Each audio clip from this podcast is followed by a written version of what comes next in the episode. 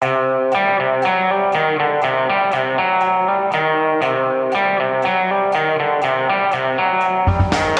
byråd i Oslo. Venstre tråkker stadig i salaten. Og hvorfor sier artisten Britney Spears at hun fortjener å få seg et liv? Det her er Gjever-gjengen 24. juni i ja, en ganske deilig sommervarm hovedstad. Det er du enig i, Tone Sofie Aglen? ja. Nå er Oslo fin. Ja, og det, jeg tror været i seg sjøl er en grunn til at mange blir i Oslo.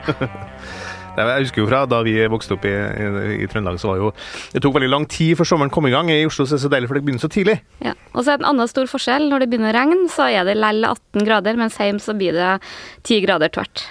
Det er, jeg har minner fra mange kalde somre i Trøndelag. Du, eh, eh, bråket i Oslo, for å si det sånn. Eh, det har jo blitt utnevnt et nytt byråd i byrådet i dag, i den grad det var nytt. Det eneste som har skjedd, er vel at eh, Lan Marie Berg ikke er med lenger.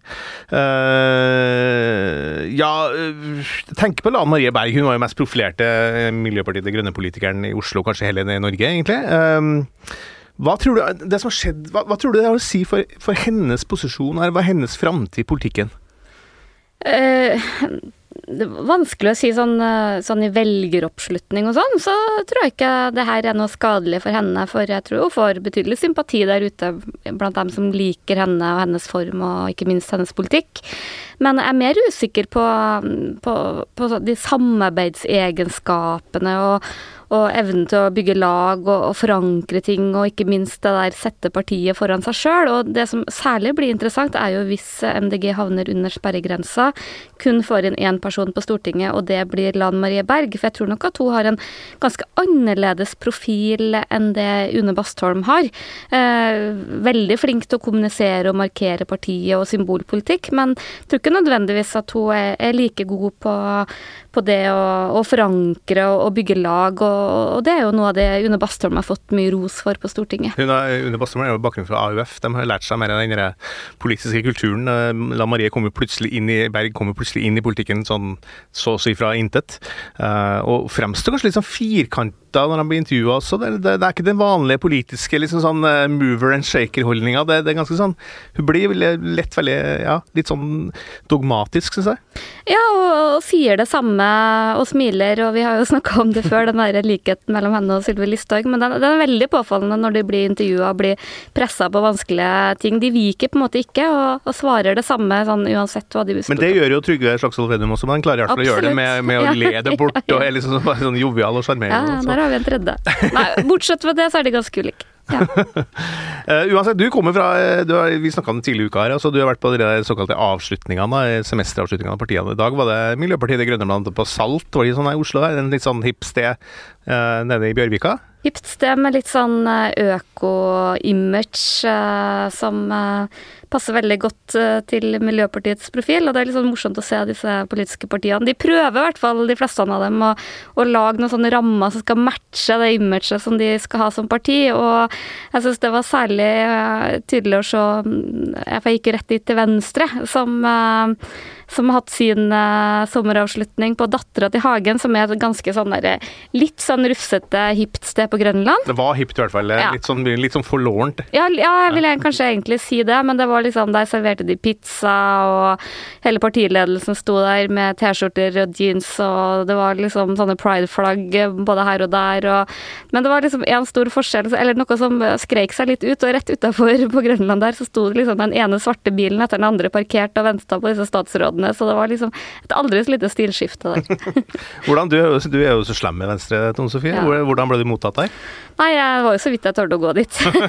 Men det gikk bra. Venstrefolk er jo eh, Partiene er veldig forskjellige på hvordan de håndterer kritikk. og, og og der har alltid Venstre, sammen med Frp, egentlig vært mitt sånn favorittparti. For, eh, fordi eh, de tåler det ganske godt og, og, tar det med et veldig åpent sinn, der andre partier kan bli ganske sånn der eh, sinte og, og du har misforstått og sånn. Så det, det, det, gikk, det, gikk bra. Ja, ja. Nei, jeg grua meg litt. det minner meg litt om det vi sa i går, fordi vi snakka litt om den bortgangen til Per Inge Torkelsen, som var venstrepolitiker i Stavanger. og Han var jo humorist, og da han opptrådte for Frp Du, du nevnte Frp. Da og han opptrådte for Frp på et sånt landsmøte der, eller årsmøte borti der, så skjelte han ut Frp, og det som endte med at Frp-erne bare lå og lo, skrev han Roy Steffensen, som er stortingsrepresentant for Frp. Så Frp har de alltid hatt egentlig lave skuldre på kritikk, kritikk, sånn som du sier, mens andre partier er kanskje litt mer ja, Veldig, veldig hårsår.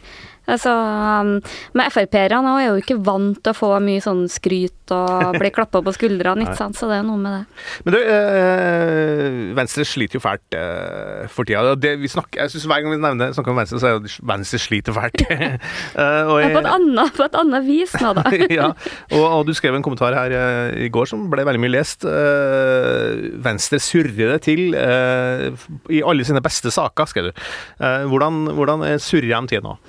Nei, da var det jo skoleområdet jeg, jeg snakka om. Eh, og Utfordringa nå er at eh, Venstre Alt burde jo ligge til rette for at det skal lykkes for Venstre nå. For de har liksom løst alt det de før har skyldt på for at de har gått dårlig. De har en, en helt ny partiledelse med alle sine viktigste profiler. Er i drømmedepartementene til Venstre. Mm. De har fått Frp ut av regjering, som lenge var liksom det som var årsaken til at det gikk så dårlig. Liksom alt uh, burde liksom uh, Alle piler burde peke oppover.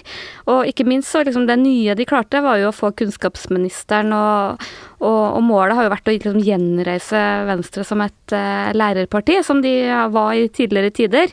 Og, og det jo, vil jo være noe som vil bredde ut profilen deres, som har vært for smal. Problemet nå, som jeg oppfatter det i hvert fall, er at de i mange av disse sakene som kunne vært gode for partiet, så snubler de, snubler de, og det er egentlig med litt sånn Men hvorfor gjør de det? Skulle ikke det her være de unge flinke med fingerspitzengefühl og teft og alt det der? Jo, jeg er litt overraska over det, for uh, Guri Melby, som er kunnskapsminister og ny partileder, da, hun hun, hun, er jo veldig Jeg tror veldig mange har blitt veldig imponert over, over, henne. Både hvordan hun har gått inn i den rollen. Flink til å kommunisere, godt likt. Eh, og kjenner også skolesektoren godt. Hun er jo lærer sjøl og, og hatt ulike jobber innenfor sektoren. Og så opplever jeg, i motsetning til tidligere, at, at, det er et parti som vil hverandre vel, da.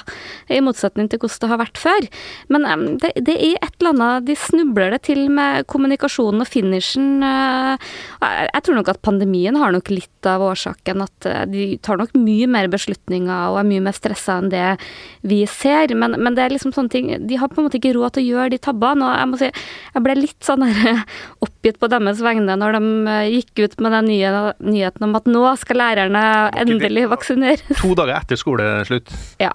Var ikke det helt eh, Og i, en, i, en, periode hvor de fleste begynner liksom å, få vaksinen, så kommer det? Ja, det er noe med timinga, og, og det så du jo med både disse politikervaksinene og, og andre sånn skjevfordelinger, at mm. stort sett, selv om det kan være noen gode grunner til å gjøre enkelte ting, så blir alt det negative fokuset mye sterkere, og som man ikke har tenkt over. Og, og det som eh, surra det sånn til nå, var jo for det første så er jo noe med timingen. ikke sant? Det er jo seint, og mange er jo allerede vaksinert. Men så var det det var jo ikke forankra med kommunene, og det var jo ikke sånn at uh, regjeringa påla det her. Det her var på en måte en anbefaling til kommunene ja. som sa at dette ble kjempekomplisert for oss. Og så ble jo Utdanningsforbundet Nå er ikke de de letteste i verden å tilfredsstille, akkurat, men uh, Nei, der er det ikke mye gladtoner, skal jeg si. Nei, det er, jo ikke det. Og det er jo litt sånn uforskyldt. For jeg tror Guri Melby har fått mye rart i, mm. i altså, det, det, er jo mye, mye irritasjon over mye korte frister, og endringene har nok ikke vært et lett skoleår. Du fikk den muntlige eksamen som bare drøya, drøya, drøya, for de tok en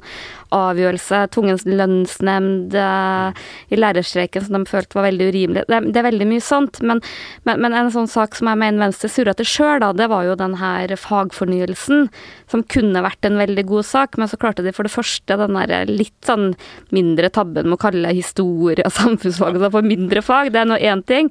Men det andre var jo det her framtidsfaget som de lanserte med brask og bram, som de rett og slett bare måtte skrote. Vi må være på framtidens side alltid. Nei, det var rart det der. Eh, et sånt parti som er som du sier, skolepartiet, sånn, som begynner, begynner liksom å rokke ved at historien ikke er viktig lenger. Det var helt, ja, det liksom, helt utrolig, egentlig. Ja, så, der burde liksom bare varsellampene blinke, for er det noe venstrefolk er opptatt av, så er det liksom klassisk dannelse og historie og, og sånn, og så begynner vi liksom nei, vi skal heller ha et framtidsfag hvor vi skal være, bli etiske, bevisste forbrukere og lære om miljøvern og likestilling. Det, det hørtes litt mer som Miljøpartiet De Grønne ut, egentlig. Det gjør ja, det. Ja. På Grünerløkka, som jeg skrev. Ja, da fikk jeg kjeft av deg. Nei, nei, jeg tenker på, spør deg. Hva har du egentlig mot Grünerløkka, Tone? Nei, jeg stortrives uh, på Grünerløkka. Jeg syns det er veldig fint. Men uh, i likhet med caffè latte, så er Grünerløkka sånn blitt et sånn symbol som folk ute i landet skjønner og forbinder med en del ting. Det er vel andre bydeler i Oslo som egentlig er hippere, f.eks. der jeg bor på Tøyen, På Tøyen, og sånn. ja, du bor midt i uten, at det, si. uten at det er min fortjeneste, for å si det sånn. Men, eh, men det tror jeg på en måte at ikke nødvendigvis gir det samme assosiasjonene utad, da. Så vi må, jo, vi må jo spille litt på det vi kan. Hva med, hva med Venstre nå framover? Det er jo valg om eh, altså, Hvor lenge er det igjen? Tre måneder igjen? Uh, det ser jo veldig dårlig ut på målingene. Er, er, det, er det her det valget hvor Venstre da skal vi si, endelig tipper under den sperregrensa? Ja, det har du jo gjort mange ganger før, men Det er eh, lenge siden. Det, det ville vært veldig trist for dem, for eh, det, det er en dårlig timing med en helt sånn ny, ung partiledelse. Mm. Eh, både de og KrF har jo bare, omtrent bare sittet i regjering under pandemi og ikke fått vist seg fram. Og, og, men nå har de jo, prøver de da, og 80 dager til valget. Nå skal de reise Norge rundt og prøve å, og, å frelse velgerne, og jeg tror nok at alle disse sperregrensepartiene er veldig avhengig av den korte mobiliseringa inn mot valget, Mm. før vi egentlig vet fasiten på hvem som klarer å komme over. Og som jeg pleier alltid å si, Bærum Høyre det, det er de som redder Venstre i siste rett over. Men det, det, det skal ganske mange stemmer til, da. Og eh, bare en ting bare helt på slutten. Altså, vi lever jo i en sånn tidsalder hvor det er mer sånn kulturkamp og ikke sant? Det er mye sånn og verdikamp og sånn. Og, og, og de, de liberale verdiene er under press her og der. sånn. Samtidig er, jo, er vi jo ekstremt liberale egentlig eh, i samfunnet nå, eh, utvikla oss over, over mange år. Hvorfor er rommet for et liberalt parti i Norge så lite? Ja, det er et uh, veldig godt spørsmål. Jeg har bare snakka litt med folk i, i, Venstre der nede. òg. det, liksom, de syns jo sjøl det er et mysterium at de får rundt 2% på meningsmålinger. Og, og var, jeg synes bare det var litt, litt sånn vittig å se, for der nede står de jo med sånn Europa og veldig sånn opptatt av internasjonalt samarbeid, står og vifter med pride-flagg. Men det virker for øyeblikket som at det er de partiene som står og vifter med de norske flaggene, som har litt mer vind i seilene, tross alt. Ja, eh, du pleier jo å skjelle ut Venstre av og til, Tone Sofie, og da kan vi si 'oops, I did it again'. after I've lied and told the whole world I'm okay and I'm happy, it's a lie. I thought I just maybe I said that enough. Maybe I might become happy because I've been in denial. I've been in shock. I am traumatized. You know, fake it till you make it. But now I'm telling you the truth, okay? I'm not happy. I can't sleep. I'm so angry, it's insane, and I'm depressed. I cry every day, and the reason I'm telling you this is because I don't think how the state of California can have all this written in the court documents from the time I showed up and do absolutely nothing. Just hire with my money another person to keep and keep my dad on board. Det vi hørte her, var eh, litt av en rant, egentlig. Det var Britney Spears, som jo eh, ja, vel, var kanskje verdens største popstjerne på begynnelsen av eh, 00-tallet. Begynner å bli en del år siden, da. Eh, Men det var en ganske desperat eh, Britney vi hørte her. Og alle som så den dokumentarfilmen som heter 'Framing Britney Spears', Britney Spears i fjor, ble jo veldig sjokkert. da. Eh, Trine Saugestad Hatlen, du er som ekspert, Britney Spears-eksperten vår.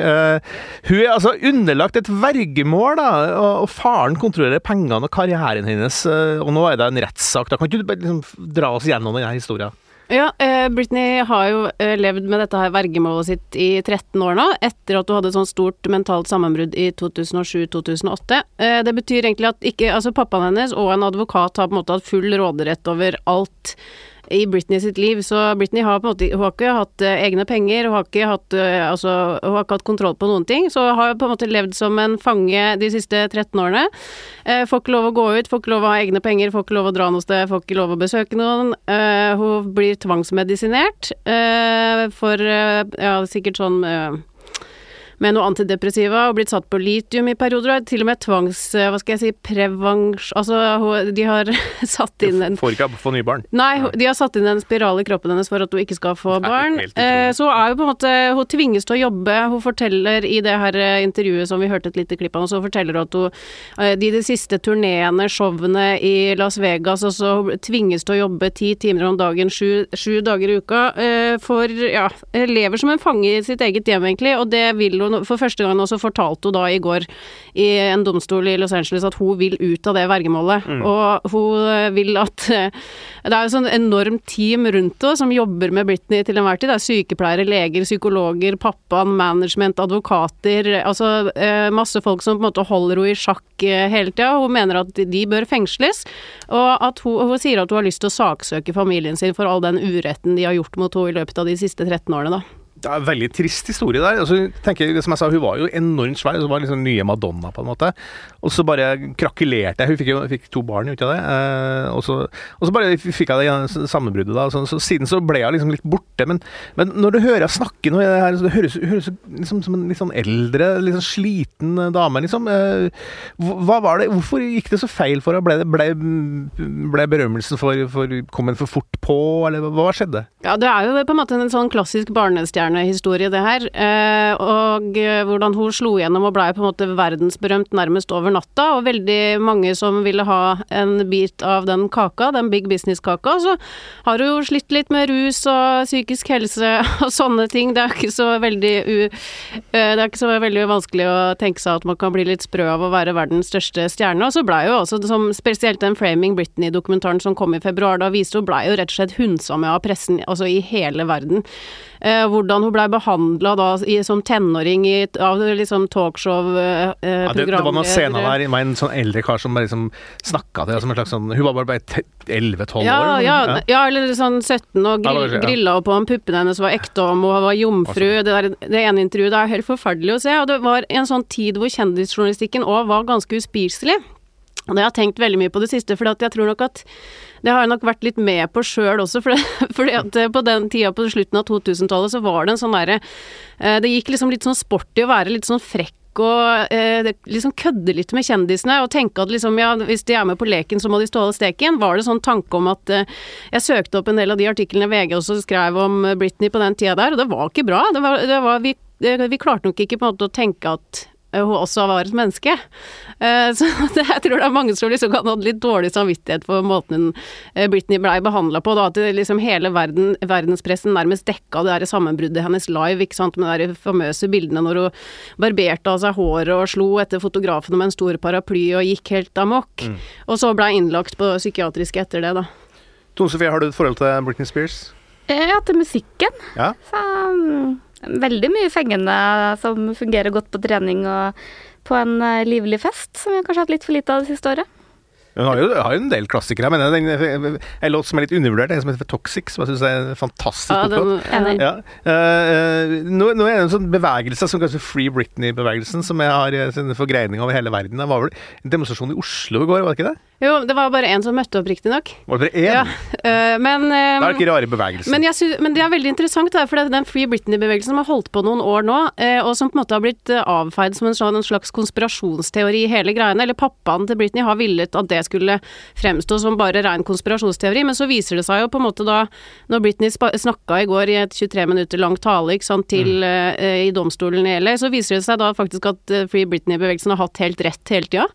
Eh, hun har hatt det helt jævlig. Hun er eh, fanga i sitt eget hjem, får ikke, har ikke kontroll over eget liv. Eh, er deprimert og traumatisert og vil For det kom ikke fram i den filmen, ikke sant? Nei, for hun har jo hun har ikke medvirka i noen av de filmene som har blitt laga om henne, eller uttalt seg i noen av de millioner av artiklene som har blitt skrevet om henne de siste årene. Sant? Så det er egentlig første gangen vi liksom hører det rett fra Direkte fra Britney i går, og det var, det, jeg syns det var veldig sterkt å høre på. Og hun var jo for så vidt ganske velartikulert og snakka godt for seg, selv om hun var sint og fortvila, og det kom liksom rett fra hjertet. Snakka veldig fort. Snakka veldig fort, eh, men det, det var veldig sterkt å høre, syns jeg. Eh, og så litt sånn Det eneste vi har sett fra Britney de siste årene har vært noen ganske bisarre Instagram-videoer som hun har laga sjøl, hvor hun blant annet har sagt sånn 'Jeg har det så fint, og jeg trives med å leve et helt vanlig liv', og sånn. Og så sier hun jo da i, det, i domstolen i går at uh, hun har jugd, da.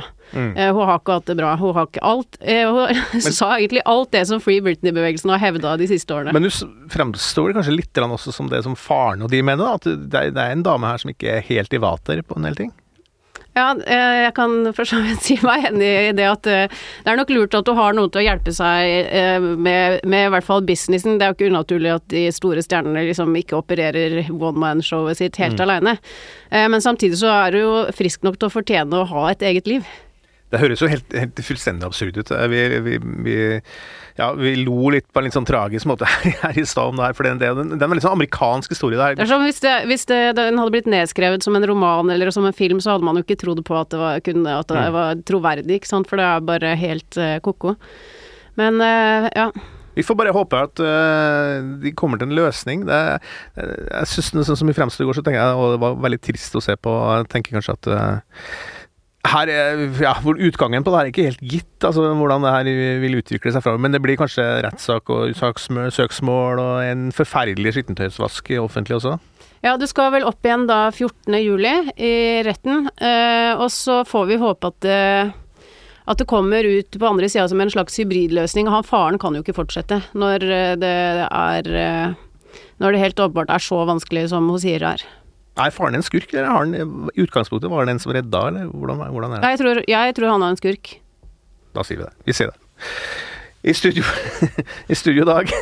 Eh, vi sitter her sammen, og vi er så glad for det igjen. Eh, vi har sittet på hjemmekontor i halvannet år, og nå sitter vi sammen i studio og lager podkast. Det er ja, det Er så hyggelig. Det er veldig hyggelig, og håper det kommer hjem litt til dere som hører på også i studio. Eh, Tone Sofie Aglen, Trine Saugsnapen, jeg heter Hans Petter Sjøli, og borti hjørnet her så sitter en som har ikledd seg skoleuniform og musefletter og nynner på Hit Me Baby One More Time. Han heter Agne Antonsen, er vår produsent, og vi høres igjen i morgen.